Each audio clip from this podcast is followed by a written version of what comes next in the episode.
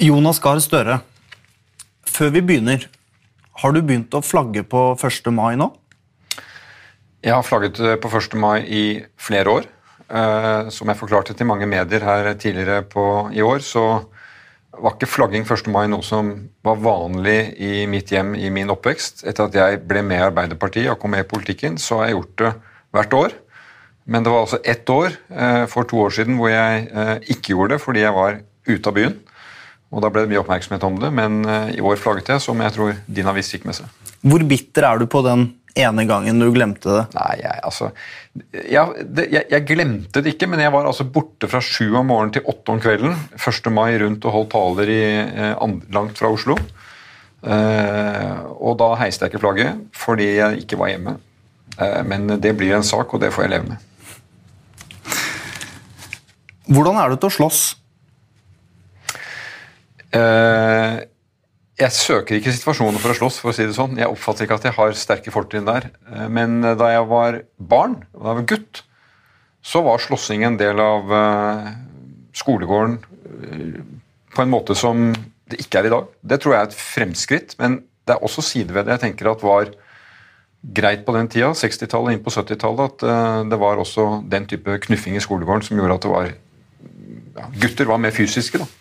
Fikk du mest juling, eller ga du mest juling? Jeg tror summen kom jeg ut på at jeg fikk eh, mer enn jeg ga.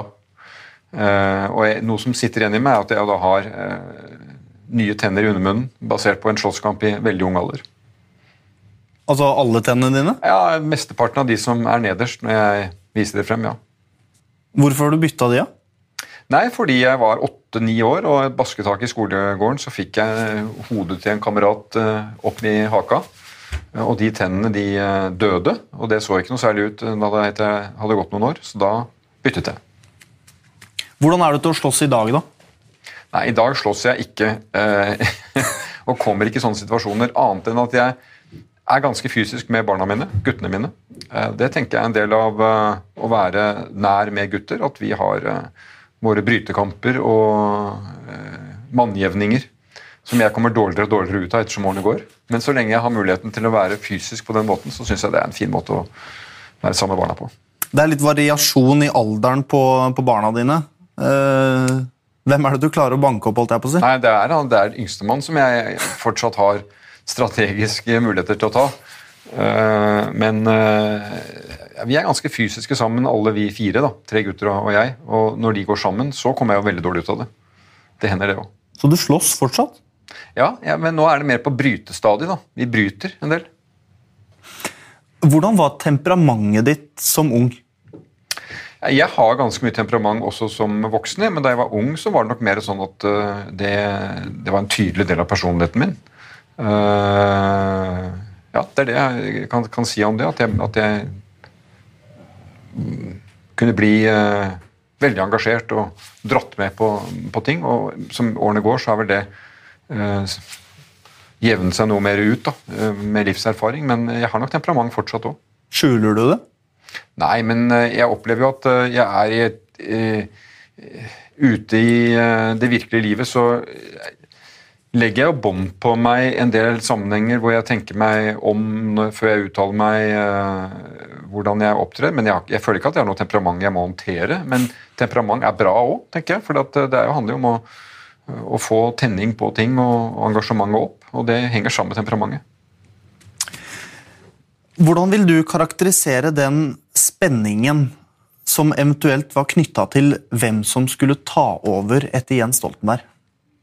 Da det ble klart for meg at han gikk mot Nato, eh, så opplevde jeg jo bare de, eh, ja, de få dagene hvor jeg visste om det før det var en offentlig sak, at det kom til å bli oppmerksomhet om meg.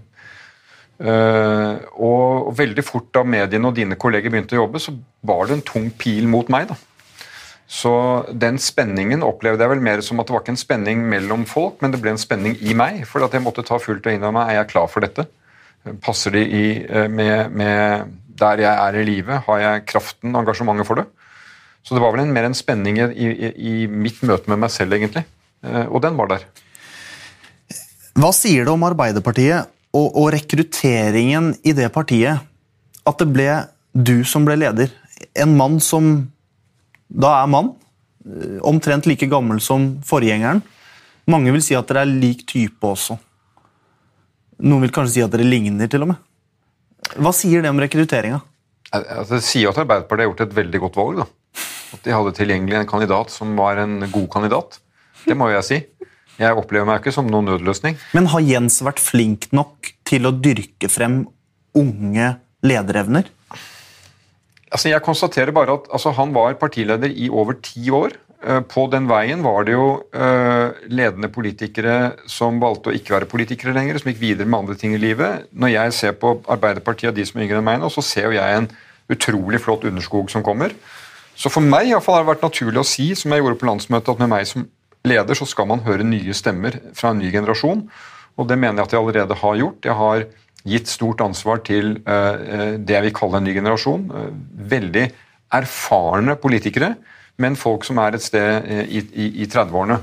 Eh, så jeg tror at eh, Arbeiderpartiet vil være veldig godt rustet for framtidige ledervalg og til ledende posisjoner. Din tidligere sjef Gro Harlem Brundtland skapte en historisk kvinneregjering. Og din forgjenger Jens Stoltenberg har blitt beskyldt for å lede gutta boys de siste årene. Hvordan vil du ivareta kvinneproblematikken i Arbeiderpartiet? Kvinnemuligheten i Arbeiderpartiet det er ikke en problematikk. Uh, igjen så tror jeg at det jeg har gjort siden jeg ble leder i juni, uh, er å sørge for at vi har uh, sterke, erfarne, profilerte politikere. Og du vil se veldig mange veldig dyktige kvinner. Men det er problematisk at politisk redaktør i VG beskylder Jens for å ha ledet gutta boys. Jo, men La nå det være historien. Jeg er ikke fullt og helt enig i den eh, påstanden. Nå er vi nå. Jeg er ikke her for å gi historiske vurderinger av det. Det får politiske redaktører i VG bruke tid på. Men du får beskrive det eh, Arbeiderpartiet jeg leder, og det vi nå ser konturene av i, i det partiet, og da tror jeg det ikke stemmer. Vi skal fortsatt snakke om damer. Er du glad i å snakke om damer? Jeg er både glad i damer og glad i å snakke om dem og være sammen med dem, så gjerne det. Hvordan traff du kona di? Jeg er ikke så eh, frempå med å snakke om privatlivet mitt, men dette er jo ikke uh, fremmed. Altså, Vi er gamlekjærester, for å si det sånn. Så vi traff hverandre i tenårene. Ganske tidlig i tenårene òg. Traff hverandre. Var hun din første kjæreste? Nei, det vil jeg ikke si. Men den første uh, alvorlige, virkelige. Så jeg var frempå der, uh, da jeg var en sånn 18-19, uten helt å lykkes. Og så fikk jeg en ny sjanse. Da var jeg 21. Hvilket sjekketriks var det som ikke funka? Nei, Det var kanskje at det var andre som var mer spennende enn meg. eller at ikke, det, det, Jeg tenkte mer på da jeg lykkes, og da var jeg 21, og hun var 19. Så da ble vi kjærester, og så har vi vært gift siden 1988 er, kan man si at det er den store kjærligheten? Ja, det, det er helt åpenbart for meg. Er det det, er det det? Det er den store kjærligheten i mitt liv. Når jeg leser CV-en din eh, og ser hva du har gjort, så får jeg en følelse av at du har lykkes. Hva tenker du om det? Nei, jeg forstår det. altså I den språket som en CV har. altså En CV har jo en tendens til å gi et inntrykk av at alt peker mot det du er nå. Sånn er det jo ikke alltid. fordi at eh, Veivalgene kan ha gått Det kan ha vært tilfeldigheter, og det kan ha vært eh, vanskelige valg og eh, problematiske valg underveis. Men, men jeg skjønner det at når jeg sitter som leder av Norges største parti og har vært engasjert i politikk i ti år, så er det å lykkes. Men et liv er mer enn det. Og jeg kan ikke si at jeg har lykkes i alt i mitt liv uten at jeg skal sitte og gi intervju om det nå. Altså Mennesker er ikke bare det du ser. Men, men, eh, men, på jobb har du lykkes? Det, kan, det får jeg håpe. Eh, men én ting er jo posisjon, en annen ting er jo resultat av posisjon. For Grunnen til at jeg spør, er at jeg lurer på hva slags forhold du har til å mislykkes. Ja. Er du god på det? Hvordan takler du det? Altså jeg jeg syns det er vanskelig å svare at, jeg, at jeg, ja, jeg er god til å mislykkes. Jeg forsøker jo ikke mislykkes, jeg forsøker å lykkes. og jeg tror jeg arbeider mer enn vanlig hardt for å, eh, for å få til det jeg setter meg til mål om å gjøre. Det, den tilliten jeg har fått fra folk som har gitt meg tillit. Eh, men jeg opplever at jeg gjennom årene har stått i noen harde uh, saker òg, som ikke blir til av seg selv. Så det må hardt arbeid til, og ikke bare fra meg, for å lykkes. Men hva da, tenker du på? Hvilke, hvilke saker er det som har hva skal jeg si, kjempet mot deg? Nei, altså eh, Altså, jeg har tapt valg. Være med på å tape valg i 2013. Eh, det er jo ikke å lykkes, kan vi si. Eh, ellers er jeg jo veldig stolt av mye av det jeg fikk til som utenriksminister, og også som helseminister, selv om det bare var ett år. Så jeg, har ikke, jeg går ikke og samler på de sakene som ikke har lykkes. For, for, for når vi ser på historien til Arbeiderpartiet, mm. Eh, så var det sånn Det var en strid mellom Einar Gerhardsen og Håkon Lie. Gro og Reiulf Steen. Gro hadde EU-kampen, som var tøff for henne. Uh, Jens og Jagland. Jagland og Jens. Jagland og Jeg holdt på å si resten. Mange av dine forgjengere har hatt mange harde kamper. Har du kommet lett til det? Altså jeg ser at det spørsmålet kan stilles. Jeg opplever ikke at min ferd i politikken handler om å komme lett til det. Altså jeg, jeg, sier noen ganger at jeg er jo ikke født inn i politikken. Eh, jeg har ikke dette med meg fra eh, barndommen av. Eh, så i politikken så mener jeg at jeg er en self-made man. Altså jeg har måttet jobbe for dette selv, og jeg mener jeg har klart å bevise den tilliten jeg har fått. Du har nettopp gitt ut en bok som heter I bevegelse, hvor du omtaler en prosess som du kaller Sosialdemokrat gjennom modning. Partimedlem ved beslutning. Mm. Det er en gripende god formulering. som Gro Harlem Brundtland ville sagt, tror jeg. For det beskriver egentlig ganske godt det som har vært uh, min utvikling. At uh, sosialdemokrat er ikke et parti. Uh, det baserer seg jo i noen historiske erfaringer, måten å organisere samfunnet på, som jeg gradvis kom til å se var pluss-minus den måten jeg mener det beste samfunnet er å organisere på. Mm. For meg og for mine barn. tenker jeg eh, Et samfunn som er liksom motivert av sterk vekt på at fellesskapet løser oppgaver, det gir frihet, det gir muligheten for at du får kreativitet og utfoldelse.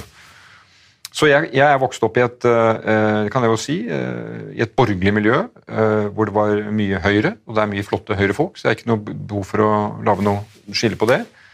men, men nærheten til da sosialdemokratisk tenkning, politikk, kom utover i voksenlivet, da. I 1981 så var du på full vei inn i voksenlivet. Du var 21 år og hadde stemmerett ved ditt første stortingsvalg. Og det var en av de valgkampene som har, mm. som har vært mest legendarisk i etterkrigstiden i Norge. Det sto mellom Arbeiderpartiet mm. eller Høyre. Mm. Gro Harlem Brundtland mm. eller Kåre Willoch. Hvem stemte du på? Nei, altså Jeg, jeg kan si det sånn at uh, jeg uh, gjennom min oppvekst og barndom og det jeg kom fra uh, Jeg stemte da Høyre ved inngangen til 80-tallet og var Arbeiderpartiet ved utgangen av 80-tallet. Sånn ble 80-tallet for meg. Da var jeg 21 år og hadde i og for seg ikke brynt meg på så mye. var ferdig med militæret og på vei til å begynne studiene i Frankrike. Men da begynte jo på en måte min egen tenkning om politikk. Eh, og det brakte meg dit eh, eh, jeg er i dag. For den modningen du snakker om, når Klarer du å se noe skille der? Nei, men det, det jeg sier, modning er jo, et, er jo et, nesten per definisjon ikke et kalenderfenomen. Det går jo over tid. Så jeg kan jo se tilbake igjen her til, også til tenårene og skoleårene. og Jeg var aktivt med i elevråd, men aldri noe medlem av noe parti. Jeg valgte ikke det. Men så tror jeg årene i Frankrike nok har ganske stor betydning. At jeg også kom opp i et land som var mye mer klasse, klassedelt. For det var jo sånn at Norge skiftet fra Arbeiderpartiet til Høyre i 1981. Frankrike skiftet andre veien. Mm. Så Det var jo den politikken jeg fulgte veldig mye med på første halvdel av 80-tallet. Så formet nok det min måte å tenke på, på, på, politikk. Når kom du hjem, da? Det var jo et stortingsvalg i 1985 òg?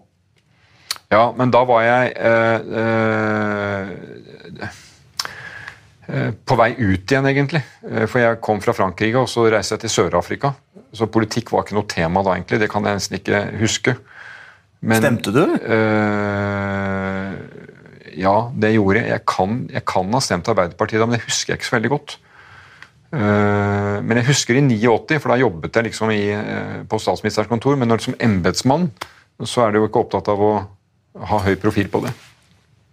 Men det var jo da, som dere minner meg om ofte, at jeg i 88 ble eh, tilbudt og fikk jobb som rådgiver i Høyres stortingsgruppe, utenrikspolitikk, som ville vært en veldig spennende jobb for en av mine interesser, og som jeg fikk og tenkte på og takket nei til. Og det var fordi at jeg tror at da var jeg på en måte Det var ikke der jeg hørte hjemme. Da hadde du modna? Nei, altså, Det høres ut som at det ikke er moden til å velge det, og det med all respekt, men, men jeg kom til at det var ikke riktig for meg. Uh, og så tok det jo eh, tolv år før jeg fikk et politisk ansvar, i 2000. Uh, så det var jo mer snakk om meg, da. Mm. I sommer så gjorde du et intervju hvor du nevnte eh, å være tillitsvalgt gir deg livsvarige kvaliteter. Du sa også at det har noe med uskrevne lojalitetsbånd å gjøre. Dette var en sak hvor, hvor du eh, kom med noen kritiske blikk på kommunikasjonsbransjen. Mm. Tidligere partifeller av deg, Jan Erik Larsen, Torbjørn Jæver Eriksen, de svarte på den kritikken ved å fortelle hvor lenge de hadde vært medlem i Arbeiderpartiet. Jan Erik Larsen meldte seg inn i AUF da han var 15 år. Er det et tegn på at hvis det begynner å gå dårlig med deg som partileder, at du kan få kritikk for at du ikke har den AUF-bakgrunnen. Du var ikke på Utøya som ung eh, i tenårene. Du kommer ikke fra den arbeiderbevegelsen som mange av dine forgjengere kom fra. Skjønner du hva jeg mener? Ja, jeg skjønner. Jeg bør svare på to deler av det spørsmålet. Det, det, det siste først, av det du spør om. Det kan hende, men jeg tenker at uh, hvis, det er, altså hvis det er noen som vet om meg og har sett mitt liv fra alle sider og vet hvem de velger, så er det Arbeiderpartiet. Landsmøtet, øverste organ i Arbeiderpartiet, har valgt meg som leder. Og jeg er, har vært åpen på hvem jeg er, hvor jeg kommer fra, hva jeg står for. Og dere, pressen, har belyst min bakgrunn. Så det er jeg veldig trygg på. De spørsmålene som jeg ofte får, ja, men hvordan kan du som kommer fra den bakgrunnen Du har arvet en formue etter bestefaren din. Uh, hvordan kan du være Arbeiderpartiet? Jeg opplever de spørsmålene mye mer utenfra Arbeiderpartiet enn inni Arbeiderpartiet. Når jeg reiser rundt på partimøter, lokallag osv., så, videre, så tro meg, det er ikke et tema. Og når, når landsmøtet da velger meg, så må jeg tenke at dette er tillit. Men mange vil kanskje si at de to jeg nevnte nå, Larsen og Gjæver Eriksen, at de representerer grasrota. Jo, men La meg komme til det til dem, for dette, dette, dette, berører meg litt. Da. Ja. Jeg har lyst på å si det nå, for det var din avis. Jeg tok ikke noe oppgjør med disse øh, navngitte personene du kom med. Jeg ble spurt av VG hva jeg mente om kommunikasjonsbransjen. Og jeg var veldig nøye på å ikke nevne navn. Uh, men jeg, jeg, er kritisk til deler av den og til noen fenomener i den. Og jeg er leder for et parti hvor det er veldig sterke holdninger, følelser for det. Og jeg følte at det var riktig for meg å sette ord på det. Men jeg, det er veldig viktig for meg å si også at min anerkjennelse for det arbeidet som de personene du nevner, kunne lagt på Bjarne Håkon Hansen, eh, for å ha vært et livslangt arbeid for partiet, det er veldig stor respekt som ligger i meg for det. Men det er folk som altså har stått på fra barndommen og har vært med på å løfte dette partiet framover, og bl.a. til å vinne valg. Og jeg sier igjen, dette er mennesker som jeg har betydd mye for meg, så derfor så gjør dette også litt vondt. Uh, og som jeg ønsker å si at jeg vil ha et fortsatt godt forhold til, og som jeg håper kanskje en dag kan komme tilbake til politikken, for det er store talenter. Er det mulig? Vel, altså det, det, det er ikke kanskje så lett, men jeg kan ikke si at det er umulig heller. Men hva sier det om at når de føler seg tråkket på tærne, at de da svarer med å fortelle hvor lenge de har vært medlem i Arbeiderpartiet? Nei, men jeg tror det at det de, det de kanskje opplever, dette må de svare for selv, da, men det de opplever er at i den kritikken om lojalitetsspørsmål og overganger, så er jo dette folk med veldig sterk lojalitet til Arbeiderpartiet. Og hvis de opplever at dette med lojalitet kommer i diskusjon, så, så er det sterke saker. Mm. Og det skjønner jeg. Uh, og det er da jeg også har lyst på å gi uttrykk for at det, dette Jeg iallfall har står først i rekken av å anerkjenne det arbeidet de har gjort for Arbeiderpartiet, eh, og at det eh, eh, skal verken stille spørsmålstegn ved eller ikke vise stor respekt for. Så du er ikke bekymret for at du i fremtiden skal bli beskyldt for at du ikke skjønner deg på arbeiderbevegelsen? Skjønner deg på Arbeiderpartiet? Det tror jeg at hele tiden en leder i en så stor bevegelse må tenke på har du kontakt med det som er både de dype røttene, det som er i dag og det som er framtidsbildet. Altså En leder skal jo se framover og være forankret i det som er. Jeg forsøker å skrive ned om dette, dette i boka. Hva er røttene våre? Hvor er verdiene? Men, men det som, som, er litt interessant, er at igjen så føler jeg at de spørsmålene der de, de kommer til meg mer utenfor Arbeiderpartiet enn inni Arbeiderpartiet. Og mine eh, ansvar i Arbeiderpartiet er jo kommet gjennom det som er dette partiets beslutninger, valg, øh, øh, modning i forhold til meg. Og det føler jeg meg veldig trygg på. Jeg, det er ikke en natt hvor jeg våkner og tenker at liksom, vil Arbeiderpartiet ha meg? Altså, Jeg føler det er veldig sterkt. Og det er jo det som også inspirerer meg. Det er 39 år siden Arbeiderpartiet hadde en partileder som ikke ble statsminister. Det var Reiulf Steen. Tenker du noe på det? Jeg tenker ikke akkurat på det, men jeg tenker jo på det at når du blir leder av Arbeiderpartiet, så er det jo per definisjon aktuelt for å bli statsminister, fordi at Arbeiderpartiet søker innflytelse, gjennomslag, og da er ansvar i regjering eh, et viktig mål. Har du da mislykkes hvis du ikke blir statsminister? Ja, Noe har vi ikke lykkes om ikke vi eh, kommer ut av et valg med ansvar. Det er helt klart. Men, men eh, tro meg, altså, jeg ser det er, det er, om tre år, og jeg er veldig bevisst at de tre årene har liksom tre ganger 365 dager foran seg, og hver av de dagene må vi fylle med godt arbeid. Eh, få laget til å trekke sammen, eh, komme opp med politikk som velgerne nikker til. Det er jo det det handler om. ikke sant? At vi både kan være forankret i verdier, men at vi har politiske svar som stemmer med de livene folk lever. Og Da må vi erkjenne at det lykkes vi ikke med i fjor. Jeg har sterk tro på at vi kan lykkes med det neste gang. Uh, og så skal jeg ikke bruke tid på å tenke om hva vi, hvis vi ikke gjør det. Eh, jeg har ikke lagt eh, livet mitt i den vektskålen slik at det, det, ramler sammen. Men vil det ikke være et personlig nederlag for deg? Det vil det sikkert være, hvis ikke jeg når de målene vi setter oss som parti. Det, og det skal det også være. Jeg mener Du skal skape deg selv en, en fallhøyde slik at det, at det, koster noe å ikke lykkes. Det må, jeg, må jeg, det må jeg si. Har du og Jens snakket om hvem av dere som er mest populær? Nei. Fordi han er jo blitt kalt landsfader. Og, og, han har blitt holdt veldig høyt. Men du har jo faktisk ofte ligget over han på sånne popularitetsmålinger. Jo, men Det er to veldig ulike ting. Altså, uh, dette er jo en del av dramaturgien vi lever i nå. Det er jo sånne merkelapper. Er veldig raske uh, bedømmingen. Alt vi gjør, blir bedømt i terningkast og karakterer.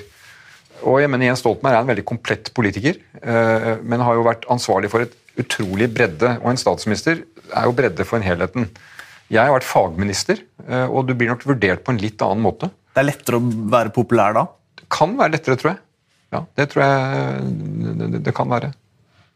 Men Støre, du var ikke fagstatsråd i 1994. Men da skrev VG Damene faller pladask for de intelligente, brune øynene og den uryddige hårmanken. Han er imidlertid ikke bare en fryd for øyet, men også drivende dyktig. Dagens Næringsliv, også samme år, 1994. Han, han synes i det hele tatt ikke så mye om eksponeringen. Og selv om det er vanskelig for en kvinnelig journalist å vurdere sjarmtrollet helt objektivt, er det mye som tyder på at det ikke er reinspikka koketteri. Hvordan reagerte du på sånt? Nå, nå, kan jeg jo si at uh, pressen må jo ta et oppgjør med seg selv på noe av det der. Nei, den gangen så var dette var i forbindelse med EU-forhandlingene og medlemskapsoppmerksomheten hvor jeg var på statsministerens kontor. Så det var, det var, jo for første gang jeg opplevde å bli omtalt i mediene og trukket fram og belyst. Så Det var ganske uh, ja. ja. Det er jo hyggelig altså det, Tonen her var jo hyggelig at jeg gjorde en god jobb, men, men uh, jeg fikk jo det første eh, kjennskapet som har vært både positivt og negativt med disse her merkelappene. Sjablongene som kastes på det. Men hvordan opplever du fokuset på ditt eget utseende? Nei, altså det har jo, Utseendet har jo ikke akkurat eh, fulgt samme utviklingen som formen, eh, vil jeg si. Den hårmanken er ikke der lenger, blant annet. Men vi blir betraktet på det òg. Og, og, jeg tenker at det er litt sånn utenfra inn. Jeg er, jeg er meg og forsøker å beskytte meg med det som er meg og mitt. Eh, og så prøver jeg å følge med på hva folk skriver om jobben jeg gjør. Eh, hva jeg mener om ting, og så kan jeg ikke ta Det der er så veldig eh, innover meg, egentlig. Men du og dine kolleger har jo også Jeg tror, for å si det sånn, den type omtale der gjør nok mindre inntrykk på meg enn de gangene hvor dere går hardere til verks på den andre siden. Og jeg mener, I din avis så har du vært skrevet etter min mening også veldig kritisk om meg. Eh, og Det er ikke sånn at det veier, veier seg opp. Jeg tror mennesker blir, er mer følsomme for det negative enn de er følsomme for det, det positive. Mm. Men vi må lære å leve med begge. Det er, denne, det, er det politikerlivet er. Det er et stortingsvalg om tre år, 2017. Eh, et nytt valg i 2021. Tenker du så langt frem i tid? Du blir jo ikke yngre. Nei da, men jeg, jeg, eh, takk. Det gjør ikke du heller, men og det er kanskje en fordel. Jeg tenker lenger fram i tid, egentlig. Jeg mener jo det at norsk politisk debatt i dag er for veldig nå-orientert. Og at hvis vi løfter blikket og ser, så er det liksom inn i de 20-årene vi står foran oss, at det kommer til å skje omfattende endringer i Norge. Flere mennesker, flere flytter mot byene, flere eldre, klimautfordringer. Eh, automatisering fra digitale eh, muligheter i internett. Svære omstillinger. Hvordan skal vi forberede oss på det? Og jeg mener at dagens regjering setter for lite fokus på det. Det er for mye debatt om Segway og poengsmotor og taxfree og skattekutt. Mens det vi burde snakke om, er hvordan ruster vi fellesskapet for 20-årene. Hvem som er leder av Arbeiderpartiet på 20-årene, det der er flere landsmøter før det. Eh, så nå tenker jeg arbeid her og nå. Jeg tenker valg i 2015. 450 steder i Norge. Og jeg tenker valg i 2017. Men vinner du valg i 2015 og 2017 ved å fokusere på hva som skjer i 2020-30? Både og. Jeg tror det at vi må vinne valg på at vi har en politikk for her og nå, selvfølgelig. Som folk ser at uh, det samsvarer med de livene vi lever. Uh, men jeg tror folk ser fremover. De spør seg får ungene våre bolig, får de jobb, får våre eldre god omsorg, er sykehusene der tilgjengelig for alle? Eh, hvordan eh, ruster vi oss for å hindre at Norge blir rammet av klimaendringer? Hvordan bidrar vi til det? Og så videre. Det er jo spørsmål som er framtidsspørsmål. Eh, men, men, selvfølgelig så skal du ikke gå til valg i et år for noe du skal gjøre om ti. Men vi må løfte en litt større himmel, tror jeg, for hva som er de viktige politiske sakene. Lykke til. Takk. Tusen takk for praten.